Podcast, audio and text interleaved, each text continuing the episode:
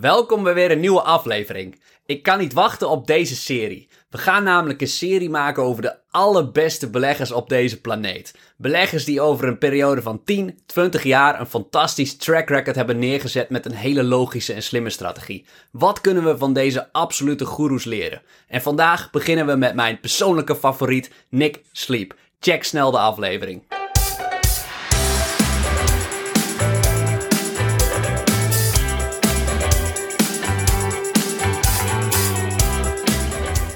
Welkom bij een nieuwe aflevering. Mijn naam is Barbara. Hey, en ik ben Rowan. Hey Roan. Hey Bar. Klinkt alsof het een eh, slaperige aflevering gaat worden.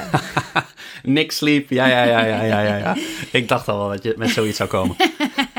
Dat was niet moeilijk deze keer. Nee. Ehm, we gaan dus een nieuwe serie starten. Even kijken of we elke week een vervolg op de serie doen. Of dat daar misschien wat tijd tussen zit.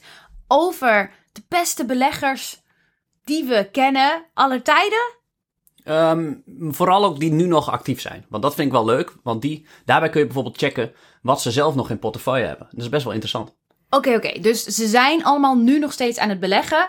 Die in deze serie komen. Gaan we een tipje van de sluier weggeven wie er nog meer gaan komen? Of, of houden we dat voor onszelf? Ik vind het wel leuk om wat namen te geven.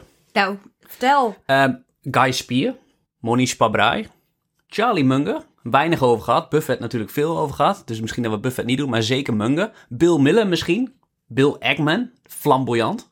Gaan we ongetwijfeld bespreken. Oké. Nou, als je dit interessant vindt, dan eh, hou onze aflevering in de gaten. Want ze gaan de komende tijd zeker langskomen. We gaan het dus over ze hebben, wie ze zijn. ehm, hun geschiedenis misschien een stukje. Ja. En vooral wat denk ik het belangrijkste is voor de luisteraar. De lessen die we van ze kunnen leren. Hmm. En misschien wat er in hun portfolio zit. Zeker, zeker. Heel interessant. ja, ja, ja. Oké, nou we gaan aan deze slaperige podcast beginnen. En dat met Nick Sleep, de grote onbekende. Mm, zou je eerst willen uitleggen waarom hij de grote onbekende is? Ja, ik vertelde aan jou de grote onbekende, omdat hij bijna niet bekend is in de beleggingswereld. Heb jij hem die naam gegeven? Oké, dus nu gaat heel Nederland Nick Sleep als de grote onbekende kennen. Ja. Oké, oké. ik, ik, moest even een documentje opstellen. Dat doe ik vaak om even wat feitjes. Want ik weet natuurlijk niet precies de rendementen die die hebben gehaald. In welk jaar die is begonnen.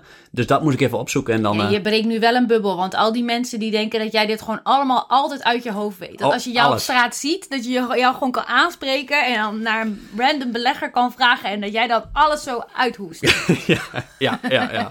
Nee, dat kan je gewoon proberen. Pro- Spreek me gerust op straat aan. nou, inmiddels, inmiddels kom je heel ver, denk ik. Met al die feitjes. Ja, Ja, ja. Nee, maar ik ben niet zo slim hoor. Ik vergeet best wel snel weer feitjes over cijfers. je moet ook gewoon alleen onthouden wat relevant is. Het heeft toch helemaal geen zin om van alles te gaan onthouden als het er helemaal niet zo toe doet. Ja, dit komt eigenlijk al...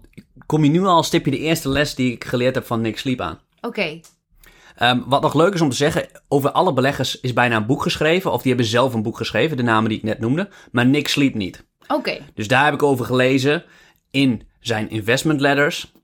Die zijn fantastisch om te lezen, want hij was vermogensbeheerder en schreef dan aan zijn klanten hoe die belegden. Fantastisch leerzaam, net als Buffett zijn aandeelhoudersbrieven. En in het recente boek Richer, Wiser, Happier gaat een heel stuk over hem. Zijn boek. Hij heeft wel een boek. Nee, dat boek is van Green, William Green, en die schrijft eigenlijk over goeroes. Oké, en Nick Sleep wordt daar ook in genoemd. Ja, Oké, laten we in de notities van de podcast de link zetten naar de letters van Nick Sleep. Want dat vinden sommige mensen waarschijnlijk hartstikke leuk om te lezen. Zijn ze moeilijk?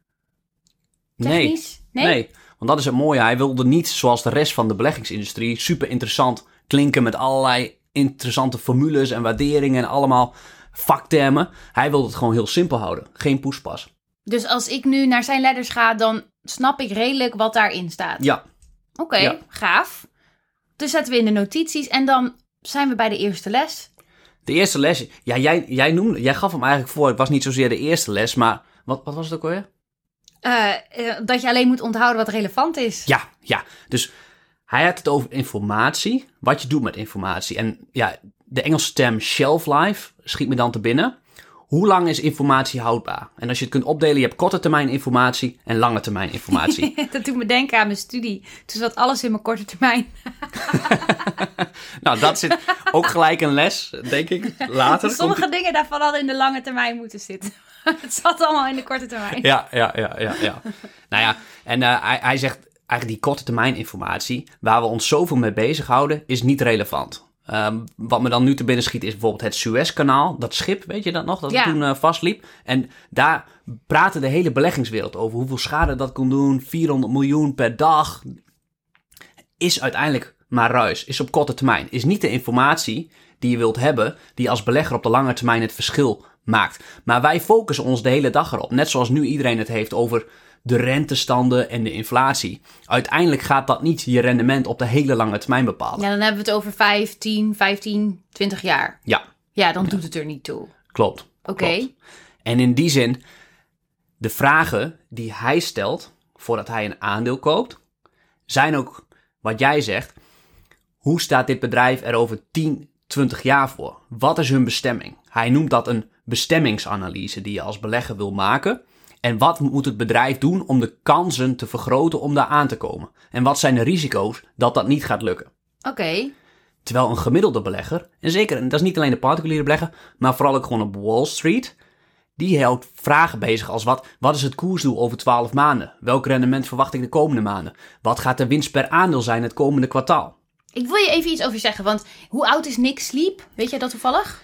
Hij ging op zijn 45ste met pensioen, dat was 2014. Dus eh, pak een beet eh, 52, 53. Oké, er val, valt mee. Want wat je zegt klinkt heel interessant en, en logisch. Maar wat bij mij dan binnenkomt is als je het over beleggen hebt en je gaat een bestemmingsanalyse maken. Voor mij is de digitale wereld en waar je die over 10, 15 jaar zou plaatsen, is echt eh, ondenkbaar. En daarmee denk ik dat ik juist een heel realistisch beeld heb. Dat ik me ervan bewust ben dat je nu eigenlijk nog niet voor kan stellen hoe onze wereld er over 10 jaar uitziet door alle technologische en digitale ontwikkelingen. En voor heel veel, nou ja, wij gewone mensen die niet Elon Musk-achtige types zijn, is het heel erg. Ja, waar gaat het naartoe? Wat is er eigenlijk mogelijk? Wij staan helemaal niet dicht genoeg bij het vuur om dat te kunnen bepalen. Dus ik ben benieuwd in hoeverre met de bedrijven die nu groot zijn en groot worden, kun je dit als belegger wel goed zelf bepalen? Ja, hele mooie vraag, zoals altijd. En ik ben het volledig met je eens dat dat bij bijna alle bedrijven onmogelijk is voor te stellen. Heb jij een idee hoe het betalingsverkeer er over 10 jaar gaat uitzien? Wie gaan daar de grote spelers in zijn? Ik niet. Zijn het nog steeds Mastercard en Visa? Of zijn het eh, de nieuwe spelers? Zijn het de agents van deze wereld? Of gaan we betalingen doen via de blockchain? Ja, en zelfs als we erover gaan filosoferen, dan denk ik, ja, het enige wat je zeker weet is dat het makkelijker en makkelijker wordt. Maar wat dat dan is, daar zit misschien wel technologie bij die we nu nog helemaal niet beseffen dat dat kan. Ja, dat is. Dus nee. Ja, dus eigenlijk wat jij zegt, ja, je kunt wel leuk die bestemmingsanalyse doen over de lange termijn, maar dat is eigenlijk een soort speculeren gokken. Nou, wat ik bedoel is dat er- vroeger kon dat inderdaad. Want als je dan over Walmart had, dan was het heel logisch wat Walmart moest doen. Wa- Walmart moest gewoon meer vestigingen openen, de kosten steeds lager maken voor het produceren. Dus die schaalvoordelen optimaal gaan gebruiken. En op die manier een zo groot mogelijk keten worden in de US. En misschien als je heel internationaal denkt, ook daarbuiten. Dat is redelijk voor de hand liggend. En de vraag die je dan kan stellen is: de kosten voor het openen van een nieuwe Walmart. Hoe duur zijn die? Hoe snel verdient Walmart dat terug? Is dat rendabel? Dat is best wel straightforward. En ja, jij doet dat met Basic Fit bijvoorbeeld ook. Dus dat vind ik nog best wel. Ja, dat is best een bestemmingsplan voor te, bestemmingsanalyse voor te bedenken. Ja. Maar digitaal, waar toch nu echt in mijn ogen de, de bedrijven van de toekomst in zitten, ja, dan zou ik het niet weten. Snap je? Dus ik vind er wel logica in zitten, maar vraag me wel af hoe toepasbaar het is voor de digitale Ja, ja. bedrijven. Nee, maar klopt. En de veranderingen gaan natuurlijk steeds sneller, wat het ook eh, lastiger maakt, zeker in die digitale wereld, wat jij zegt. En ik denk dat je daarmee de spijker op zijn kop slaat. Dat je ook dat soort bedrijven waarbij je dat dus echt niet kan voorspellen van wie gaat de winnaar in de cybersecurity zijn, hoe gaat dat eruit zien? Ja, geen idee. Dus wat bij hun ook de kunst was, is zoveel mogelijk nee zeggen. Niet kijken naar ja, waar valt rendement te halen, maar vooral alles weggooien wat niet werkt. Ja, maar ik- oké, mijn volgende vraag is dan: ik voel dan dat als je dat dus dat zou doen met onze kennis hè, over de digitale wereld, dat je bijna geen enkele belegging kan doen en dat je zeker de topbeleggingen bijna gegarandeerd naast je neerlegt. Dus hoe ga je dan in de toekomst, als het steeds technologischer en digitaler wordt, nog mooie rendementen behalen als je in die zin voor de echt mooie rendementen wel afhankelijk wordt van dat type bedrijven? Ja, ja daar, daarvoor zul je moeten filosoferen. En ik denk dat er wel een bepaalde mate is van voorspelbaarheid. Neem bijvoorbeeld de cloudmarkt. Denk je dat de cloudmarkt de komende 10, 20 jaar gaat groeien? Ja. Ja, nou, die markt gaat groeien. Daar twijfelen denk ik weinig mensen aan. Die, dat is een megatrend. Die kan je voorspellen. Dan kan je wel kijken, wie zijn nu de spelers in die cloudmarkt? En dat zijn er nu eigenlijk maar drie. Dat zijn Google, Amazon en Microsoft. Ja, en dan las ik toevallig vandaag een, nieuwsbericht over dat eh, de overheid in de US zich teruggetrokken heeft van een contract dat ze hadden met Microsoft voor de clouddiensten. Ehm, en dat omdat het eventueel oneerlijk zou zijn gegaan met het aanbesteden. En eigenlijk stond er ook dat er maar twee partijen zijn die het überhaupt kunnen doen. En dat zijn Microsoft en Amazon. Wat je dus vertelt dat ze zijn al zo gigantisch groot. En in deze markt zijn ze dus blijkbaar technologisch lopen ze echt voor op de concurrenten. En ja, zijn ze gewoon het meest geschikt. Ja, Dus als je dit dan zegt, dan denk ik, oké, nou, dan moet ik dus Amazon en Microsoft kopen. Eh, ja, ja. Maar dit, zo simpel, dat was in de kern wel zijn filosofie. Dat je dat soort zaken wel 10, 20 jaar vooruit kan spellen. En hij was natuurlijk ook niet altijd zekerheid. Hij spreidt ook gewoon.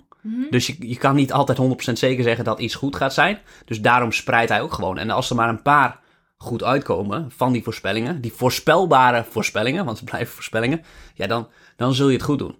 En zijn gemiddelde houdbaarheid van een aandeel in portefeuille was gemiddeld 7 jaar. Oké, Gemiddeld 7 jaar. Ter vergelijking, de gemiddelde belegger 6 maanden. Oké, oké. Dus er zit een verschil in horizon in. En nou, dan wil ik even naar jouw gemiddelde lengte vragen. Eh drie, Van je Vier- portefeuille. ja. ja, ja, ja. ja. ja. Het is mooi dat mensen niet kunnen meekijken. Eh, ja, drie A4. Drie à vier Jaar. jaar. Ja. Is dat dan eigenlijk niet te kort? ja, ik probeer het ook op te rekken. Ja. Als ik eh, vaker dan drie, vier keer in een jaar handel, bij wijze van, en dan bedoel ik een nieuw aandeel koop, voel ik dat ik te veel gehandeld heb misschien. Bijkopen tel je dan niet mee. Nee, nee, nee. Want soms, ja, dit spreekt ook wel voor Nick Sleep. Op een gegeven moment wa- was hij in 2014, hij was van 2 tot 2001 tot 2014 had hij zijn eh, vermogensbeheerbedrijf Nomad Investing. Nomad in de zin van, hij wil overal ter wereld speuren naar aandelen. Wat de meeste professionele beleggers zijn concurrenten eigenlijk niet konden doen, want die waren gebonden aan een land, aan een sector of zo. Hij ging overal ter wereld, daarom Nomad Investing die naam. Even kijken, het rendement trouwens 921% in die periode van 2001 tot 2014 Wauw. versus 117% voor de wereldindex. Wauw. Dus die index deed in die jaren helemaal niet zo goed. En toen is hij gestopt in 2014. Hij dacht, nou ja, het is, eh, ik ga het nu voor mezelf doen. Ik wil een ander leven. Ik ga particulier beleggen. En toen heeft hij eigenlijk alles, alles in drie aandelen gestopt. Drie aandelen. Ja. dat, eh, dat komt niet overeen met jouw eh, les om altijd te spreiden. Nee, nee maar dat, dat is de klasse. En kijk, omdat hij het voor zichzelf deed toen, Maakt dat niet uit. maakt het niet uit. Niemand rekent je daarvoor af. En eh, ja, even ter vergelijking. Hij heeft Amazon 16 jaar in portefeuille gehouden en Costco 18 jaar. Dus hij is een van de weinigen die zo'n lange rit durft uit te zitten, terwijl die aandelen maar stijgen en stijgen en stijgen. En dan mist er nu nog één aandeel. Want je zei Amazon en Costco. En daarvoor zei je, hij had maar drie aandelen gekocht. Ja, eh, Berkshire Hathaway van Warren Buffett. En recent heeft hij Azos gekocht. Oké, ja, ik weet dan niet zoveel van ASOS. Maar als je zegt Amazon en Berkshire. Dat zijn toch beide bedrijven waar je ontzettend vertrouwt op de CEO. Zoals ja, in Berkshire je geld stoppen is gewoon in Warren Buffett je geld stoppen. En als je in Amazon in die tijd hebt belegd, heb je gewoon echt achter de filosofie van Bezos gestaan. En nou weet ik het bij Costco ook niet, moet ik heel eerlijk zeggen. Maar klopt dat? Dat hij dat dus eigenlijk aan de CEO heeft toegekend? Klopt, klopt. En dat is een nieuwe les in zijn beleggingsfilosofie. En als je het hebt over Costco, Jim Sinegal. In Amerika echt een held. Costco zit in die zin alleen in Amerika, dus hier veel minder bekend. Maar echt een held in, eh, in, in die industrie, in de beleggingswereld. Echt een founder, net als die andere twee die jij noemt. En ja, Nick Sleep zegt inderdaad... En wat jij eigenlijk zegt aan het begin, heel mooi. Aan het begin kon je misschien ook niet voorspellen dat Amazon de wereld zou gaan veroveren. En hij heeft daar jaren op gestudeerd toen. En toen kwam hij erachter ook met wat Bezos dus van plan was. Met Amazon, toen Amazon nog klein was hè. En Maar wanneer was Amazon begonnen? eh, 1997 gingen ze naar de beurs. Oké, dus tegen de tijd dat hij, dat, hij is in 2014 gestopt. Dus hij zal ergens tussen 2014, 2017 of zo. Dus na, toen was Amazon toch al wel 20 jaar bezig. Ja, Heeft hij ergens Amazon gekocht. ja in, eh, in 2004 geloof ik. Oké, oh, 2004 al wel. Ja, omdat hij ze 16 jaar heeft gehouden, dan zal het ongeveer 2004, 2005 zijn. Anders kan het niet. Ja, ja anders speelt hij vals. Oké, maar hij heeft dus niet die drie aandelen privé pas gekocht nadat hij al gestopt was. Nee, nee. Oké, nee, nee, dat dacht ik, maar nee, dat is dus niet zo. Ja, nee, tijdens zijn fonds al, toen heeft hij dat gekocht. Heeft hij jaren op gestudeerd. En ja, de voorspelbaarheid in de toekomst, wat je zegt over 10, 20 jaar van zeker digitale techbedrijven, is heel moeilijk. En dat was waarschijnlijk in 2004, 2005 over Amazon ook. Er was helemaal niet duidelijk dat die de wereld zouden gaan domineren. Die hele cloud-tak van Amazon, daar was nog niks van. Dus was alleen nog maar een, een, eh, internetwinkeltje die Ja. heel goed draaide.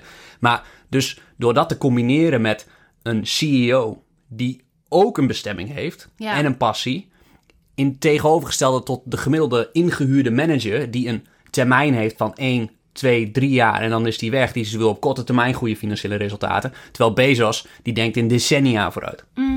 Als je dan nu kijkt naar zo'n type CEO, zie je die dan nu ergens in de aandelenwereld? Ja, ze zijn zeldzaam. Ik zou iedereen aanraden om het boek The Outsiders te lezen van Thorndike. Die geeft die kenmerken van zulke CEO's weer. Oké, maar ik vraag jou, welk, welke CEO zie jij nu die die kenmerken heeft? Nou, ik vind Mark Leonard van Constellation Software, die heeft duidelijk kenmerk, zit daar in de raad van bestuur. Angus Kelly van AirCap schiet me dan gelijk te binnen. Ehm, van een Britse autoverzekeraar, ook van Ryanair. Eh daar niet... Als je nu één moet kiezen op basis van CEO van die kenmerken. Dus dan laten we de rest even los. Maar dan zeggen we, oké, als we echt gaan kijken naar welke CEO heeft deze Jeff Bezos of Warren Buffett-achtige potentie, wie zeg jij dan? Elon Musk. Ja, dat zou ik dus ook zeggen. Ik zou echt Elon Musk Ja? zeggen. Met die, nou gewoon die, die visie voor de toekomst. En dat dan ook waar gaan maken. En ik ben zelf daar heel erg fan van. Van de, het idee van, als je iets wilt, dan is het nooit echt onmogelijk. Weet je, maar ga de weg zoeken die, die erbij hoort. En Musk lijkt me ook iemand die niet opgeeft om de weg te zoeken. Hè? Dus die niet zegt, oké, nou we gaan het nu zo proberen. En als dat dan niet lukt, geven we op. Nee, dat ziet hij alleen maar, oké, dit was niet de weg. Andere route proberen. Ja, dat, ik geloof dat dat wel echt de, de leiders zijn die de toekomst veranderen. Ja, ja. En les van Nick Sleep, wat ik geleerd heb. ehm, we willen allemaal op korte termijn, of althans de gemiddelde CEO wil op korte termijn goede financiële resultaten. Die zijn niet bereid om pijn te lijden op korte termijn. Die zijn niet bereid om nu winst op te offeren voor veel meer winst in de toekomst. En dat zijn, is Elon Musk wel, Jeff Bezos, Jim Sinegal. Die willen juist op de korte termijn zo weinig mogelijk winst maken. Om de klant zoveel mogelijk waar te geven voor hun geld. Om dan in de toekomst, door blije klanten, hele hoge rendementen te maken. En daar een klein deel van mee te pakken. En niet slechts alles te pakken. En misschien een mooi voorbeeld is Costco. Want dit is denk ik het concept wat ik het meeste heb geleerd van Nick Sleep. Gedeelde schaalvoordelen. Schaalvoordelen, weet je wat dat zijn? Ja, dat is dat als je er meer en meer gaat produceren, dat de kosten van dat produceren lager worden, omdat je ze over meer items verspreidt. Yes, perfect. Bijvoorbeeld Netflix, als je nou, als die 100 miljoen abonnees heeft of 200 miljoen abonnees, de inkomsten zijn verdubbeld, de kosten gaan waarschijnlijk niet ook verdubbelen. Nee. Dus dan krijg je schaalvoordelen. Dan krijg je een soort operationele hefboom. En dat zijn schaalvoordelen. Daar beschikken best veel bedrijven voor. Er zijn heel weinig bedrijven die die schaalvoordelen delen met de klant. En dat zijn gedeelde schaalvoordelen. En dat is eigenlijk het concept, dat is het businessmodel wat onverslaanbaar is door concurrenten. En ehm, kan je dan eens een aantal voorbeelden van bedrijven noemen die zich heel goed bezighouden met gedeelde schaalvoordelen? Nou, misschien het voorbeeld eh, uit zijn portefeuille, Costco. Dat was een, is een Amerikaanse retailer waar je lid van kan worden. Een Ahold, een gemiddelde supermarktketen, die rekent een 25 à 30 procent bruto winstmarge. Die koopt iets in en drukt dat erbij op. Zij hadden de standaard, we doen 15 procent. 15 procent, standaard. En klanten weten dat op een gegeven moment, dat zij dus maar een veel kleiner deel pakken en krijgen een betere deal in de winkels. En dus komen er meer klanten. Die gaan meer kopen. Omzet gaat stijgen. Als de omzet gaat stijgen, kun je bij je leverancier zeggen: hé, hey, wij gaan veel meer inkopen. Wij willen wat lagere kosten. Nou, dat voordeel van die lagere kosten kan Costco dan voor kiezen om in eigen zak te steken. Zij dat doen, doen, dat- dus niet. En gaan weer dat gelijk terug naar die 15% en verlagen dan gewoon de prijzen in de winkels. Oké. En dat je dat deelt met klanten, dat vind ik, ja, dat is een heel langdurig businessmodel. Dan krijg je hele loyale klanten. En concurrenten kunnen er niet tegen concurreren, want je kan dan niet als nieuwe concurrent lagere marges gaan pakken. Mooi voorbeeld. Heb je nog een aantal bedrijven die je weet dat dit doen? Ja, ik denk de namen die we noemden. Tesla, Ryanair. Ik denk ook Wix. Ik denk Netflix een beetje. Hm, Oké, interessant. Voor mij zit er nog een mooi onderwerp in, in wat je over die CEO's zei voor je voorbeeld van eh, Costco. Ik hou natuurlijk heel erg van mindset. En wat ik hoor bij die CEO's is een ontzettend vertrouwen in de toekomst. En daar zit nog zoveel bij. Er zit vertrouwen in zichzelf, in hun bedrijf, in, in de wereld, in waar ze mee bezig zijn.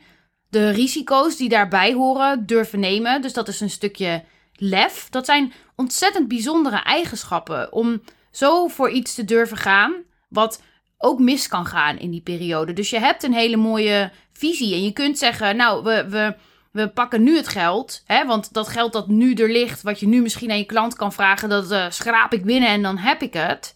Dus het, het, het vergt echt lef en, en, en echt ergens voor staan om die toekomst aan te gaan.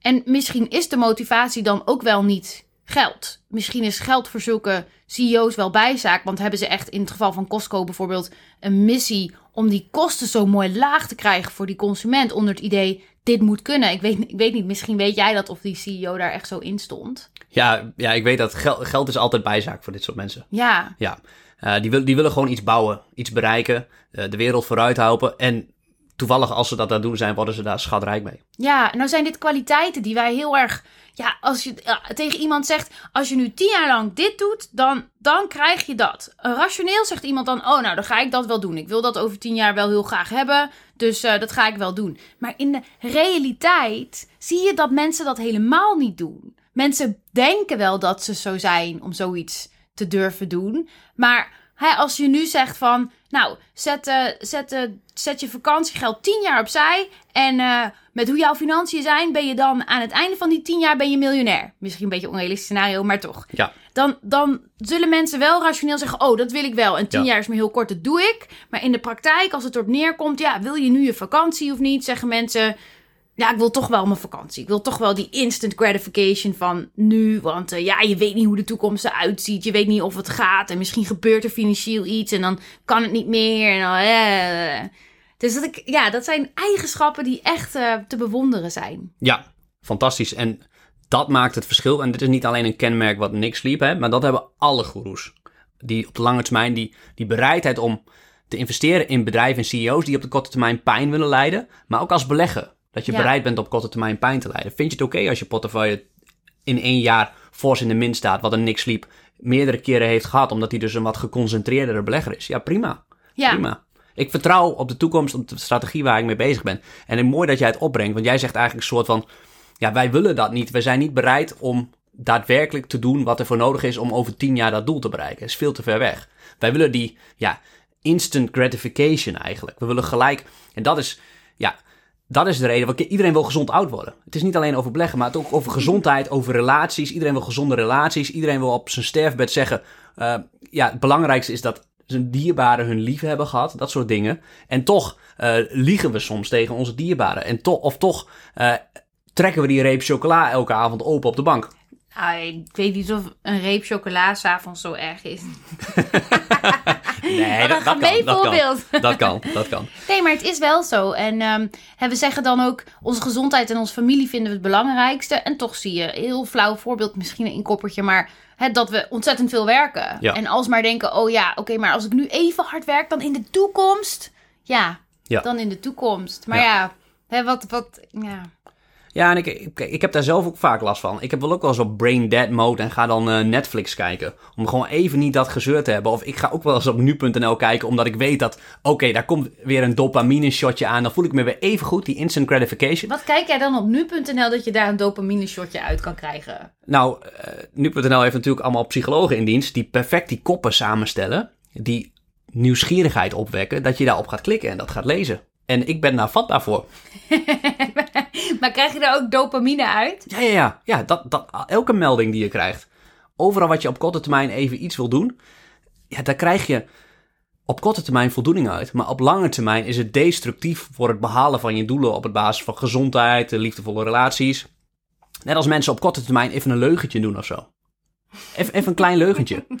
Ja, Jij doet alsof heel veel mensen dat doen. Even Nee. korte kleine leugentjes. nee, dat, dat doet natuurlijk helemaal niemand. Dat doen alle luisteraars niet. Zijn er nog leugentjes die jij dan nu eh, op wilt biechten? Nee, ja. nee, dan moeten we... Heb, heb je even? Oké, terug naar Nick Sleep. Ja, ja, ja. Nee, maar dat, ik, ik vind het wel, en dat die goeroes ook allemaal, er vallen ook zoveel levenslessen uit te halen. Want Ja. iedereen wil die lange termijn doelen. En Nick Sleep had daar geloof ik een tip bij. Ik weet niet of ik het precies goed zeg, hoe je dat, hoe je dat toch kan behalen. Die lange termijn doelen waar jij het over had, wat eigenlijk iedereen wel wil. Door je voor te stellen, bij als je het verkeerde doet, als je naar nu.nl gaat, als je bij je broker gaat inloggen waar, waar, je, waar je weinig aan hebt, dat je dan je extreem gaat belonen voor als je het niet doet. Dat je dan gaat visualiseren dat hoe je dat doel bereikt hebt over tien jaar. Wat te ver weg is, maar als je dat echt al gaat leven, dan is de stap om toch dat verkeerde te gaan doen veel kleiner. Ja, ja. Maar je moet toch gedisciplineerd daarvoor zijn. Want dit soort dingen vind ik altijd heel leuk klinken op papier. Maar je, het kost best wel veel wilskracht. Om als je eigenlijk die drang hebt, als we het dan over de chocoladereep hebben. Om dan, als je eigenlijk al heel erg die wens voor die chocoladereep hebt. Om dan je bikini body te gaan visualiseren. Terwijl eigenlijk is het enige wat je in je hoofd zit een chocoladereep. Ja, Dat ja. kost zoveel energie, kracht, discipline en zo. Dus dat is makkelijk gezegd, maar in de realiteit pittig. Klopt, klopt. En eh, ja, we zijn allemaal mensen. Hè. Kijk, als ik een avond gezopen heb, dan heb ik de volgende dag ook alleen maar zin om te snacken en eh, zin aan cola. Dus ja, we, zijn, we zijn allemaal mensen. En ik, ik drink elke dag een blikje cola, omdat mij dat zoveel geluk, ge- geluk heeft. En Warren Buffett heeft ook wel eens gezegd, die eet nooit broccoli bijvoorbeeld, eet eigenlijk geen groente. Die zegt, als ik mijn hele leven broccoli had gegeten, was ik waarschijnlijk al veel eerder dood geweest, omdat ik niet die geneugde van dat Big Mac eh, menu elke dag eh, en die cola kon hebben. En ja, daar moet je wel een balans in vinden. Je moet niet alleen maar doorschieten in eh, al dat soort... soms korte termijn destructieve dingen. Blikje cola natuurlijk de grootste troep wat er is. Maar ja, het geeft mij soms ook wel een geluk. Dat iedereen moet zijn eigen zonde hebben, vind ik. Ja, precies. Maar dan moet je er ook echt van genieten. Want dan denk ik, Ja. Warren Buffett is het levende voorbeeld van dat misschien psychologische gezondheid bijna belangrijker is dan fysieke gezondheid. Ja, Hij ja. is denk ik psychologisch heel erg gezond geweest altijd. Ja. En heeft daar niet dankzij volgens mij zijn fitnessroutine of zijn gezonde Nee. etenstijl zo oud nee, geworden. nee, nee. Kijk, Nee. weet je wat het is? Volgens mij is de, als je echt iets wilt veranderen of je wilt echt dat iets anders gaat, is de pijn moet eerst groot genoeg zijn. Dus als je je bikini body wil, maar je wilt ook je chocola, zolang als de pijn van dat je lichaam er niet uitziet zoals je zou willen, niet dat ik bikini bodies promote of zo, maar gewoon even als voorbeeld, als je eigenlijk niet zo heel veel pijn hebt van hoe je lichaam er nu uitziet, ehm, dan is die motivatie gewoon niet groot genoeg. Als je op een, een, een bepaald niveau gewoon helemaal oké bent met hoe je lijf eruit ziet. En eigenlijk denkt, maar ja, ik heb liever dat mijn lijf er zo uitziet. En ik gewoon chocola eet of andere lekkere dingen. Dan dat ik die bikini body heb. Dan is daardoor de motivatie om die bikini body te gaan halen niet groot genoeg. Want de pijn is nog niet nu groot genoeg. En wat je dus zou kunnen doen, als je zegt ik wil dat echt veranderen, is de proberen of je op de een of andere manier jezelf zo kan prikkelen dat de pijn van dat wat je nu hebt zo groot wordt dat, dat je daar wat aan wilt gaan doen. Dus dat het aantrekkelijker gaat worden om bijvoorbeeld door de pijn van het sporten heen te gaan voor je bikini body. Of door de pijn van de chocola laten liggen eh, heen gaat. Omdat de pijn van dat lichaam nu hebben zoals je, niet zoals je wenst. Ik vind het een heel naar voorbeeld, maar goed, we gebruiken het nu al. Dan, als die pijn groot genoeg is, pas dan kan je een verandering doorbrengen. En dat geldt gewoon op bijna alle vlakken van je, van je leven. Misschien een mooier voorbeeld is, als je niet tevreden bent met je baan, dan kan je nog heel lang blijven zitten en erover zeuren. Pas als er echt, echt iets mis is voor jou op die baan, die voor jou persoonlijk, hè, want die grens ligt bij één iemand veel eerder dan bij een ander iemand. Pas als die grens echt bereikt is voor jou persoonlijk qua pijn in die huidige baan, pas dan ga je wat anders doen. En tot die tijd zit je misschien wel te zeuren of vind je dingen niet leuk of bla bla bla. Maar je gaat pas actie ondernemen als voor jou persoonlijk van binnen die pijn groot genoeg is. En daarom kan je ook loslaten wat andere mensen doen of vinden. Het gaat echt dan om jouw persoonlijke ja, voorkeur. Ja, Ja, mooi gezegd. oké. we dwalen weer totaal af. Ja, kan je dat blikje cola even aangeven? Wacht. Kijken of we dit op de microfoon kunnen krijgen. Oh ja, Zo, Roan, daar is die. dank je. En dan willen we er wel even bij zeggen: je drinkt natuurlijk ontzettend verantwoord Cola Zero. Hè, Ja. Want er geen suiker erin. Van de Jumbo, gewoon een huismerk. ja, nou, als iets nergens naar smaakt, vind ik, dan is het cola zero sugar van de Jumbo huismerk. Maar goed, het gaat om de psychologische gevoelens Ja, daarachter. hè? het is als het ware mijn, eh, mijn sigaret. Het, is gewoon, eh, het geeft dan even een geluksgevoel. Je weet dat het slecht is, maar het geeft psychologisch een goed gevoel. Ja, nou, daar doe je het al voor, toch? Ja, Maar moet ja, er ook mogen ja, zijn. Ook niet te streng worden voor onszelf. Ja, nee, maar de kunst is ook jezelf, denk ik, habits aan te leren. En mensen denken nu misschien dat het niet over beleggen gaat. Wat mij betreft gaat dit helemaal over beleggen, want beleggen is een way of life. En ehm, dus, dus dat, is, dat is zo belangrijk. En ehm je had het over bikini body. Soms willen mensen afvallen en dan gaan ze heel extreme diëten doen. Ik geloof daar niet zo in. Ik geloof dan stap voor stap dingetjes anders doen. Jezelf een nieuwe gewoonte aanleren. En, en, en dan gaat het vanzelf. En dan wordt het ook niet zo, niet zo zwaar en zo extreem. En dan val je ook niet zo snel weer terug. Wat zo moeilijk is. Want anders doe je jezelf zo, maak je het jezelf zo moeilijk. Ja, Althans, dat werkt voor mij. ja, en dan zeg je, ja, dit gaat wel over beleggen. Zou je dan zeggen, misschien is het wel een van de belangrijkste dingen van beleggen, is ook om je op persoonlijk vlak te ontwikkelen. Zodat je je ja, aan die bepaalde beleggingsfilosofie dingen ook gewoon kan houden. Ja. Ja, ik denk dat het belangrijkste is, als, om, als je goede rendement op lange termijn wil, zul je met jezelf aan de slag moeten. Zul je jezelf moeten ontwikkelen. Net als Nick Sleep, die heeft zich ook heel erg ontwikkeld en daardoor zijn beleggingsfilosofie ook heel erg aangepast, door de manier waarop hij in het leven stond, kwam te veranderen. Wat dan? Kan je daar meer over vertellen? Nou, hij zegt eigenlijk, op de beurs is iedereen een jager. Iedereen wil op zoek naar een mooi aandeel, daar rendement mee maken en dan aan iedereen vertellen, wow, kijk eens hoeveel rendement ik heb gemaakt. Hij ziet zichzelf eh, meer als boer. Plant een zaadje en gaat het cultiveren. En dat is veel filosofischer, want dat, dat geeft je ook de tijd om als boer bij je plantjes gewoon de hele dag te lezen en na te denken. En dan weer op zoek te gaan, die tijd die je vrij hebt, naar het volgende aandeel. Als je telkens gaat handelen op korte termijn, dat soort dingen, op zoek naar de nieuwste trofee, ja, dan ben je daar al je tijd mee bezig. Is, is misschien het niet meest eh, fulfilling life, zeg maar.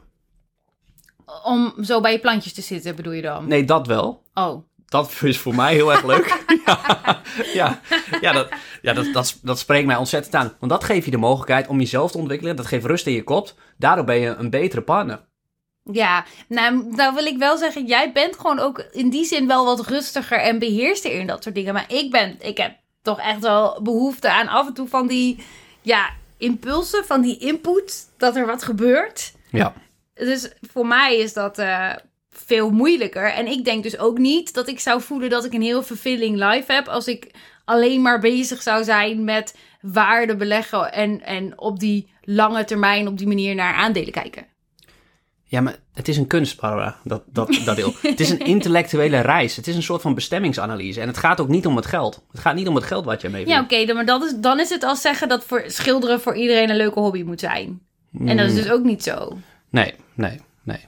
Ja, ik heb in die zin het geluk dat eh, beleggen, dat ik dat leuk vind. En als je daar leuk vindt en daar tijd aan besteedt, dan ga je daar goede rendementen mee behalen. En dan ga je daar rijk mee worden. En, en ja, dat, dat, dat is het voordeel. En daar komen allebei leuke dingen uit voor. Dat je dat geld later kan weggeven of zo. Of dat je allemaal Ferraris kan kopen. Nou, dat, dat vind ik dan weer niet echt heel erg waardevol voor mijn leven. Zou jij dat gaan doen?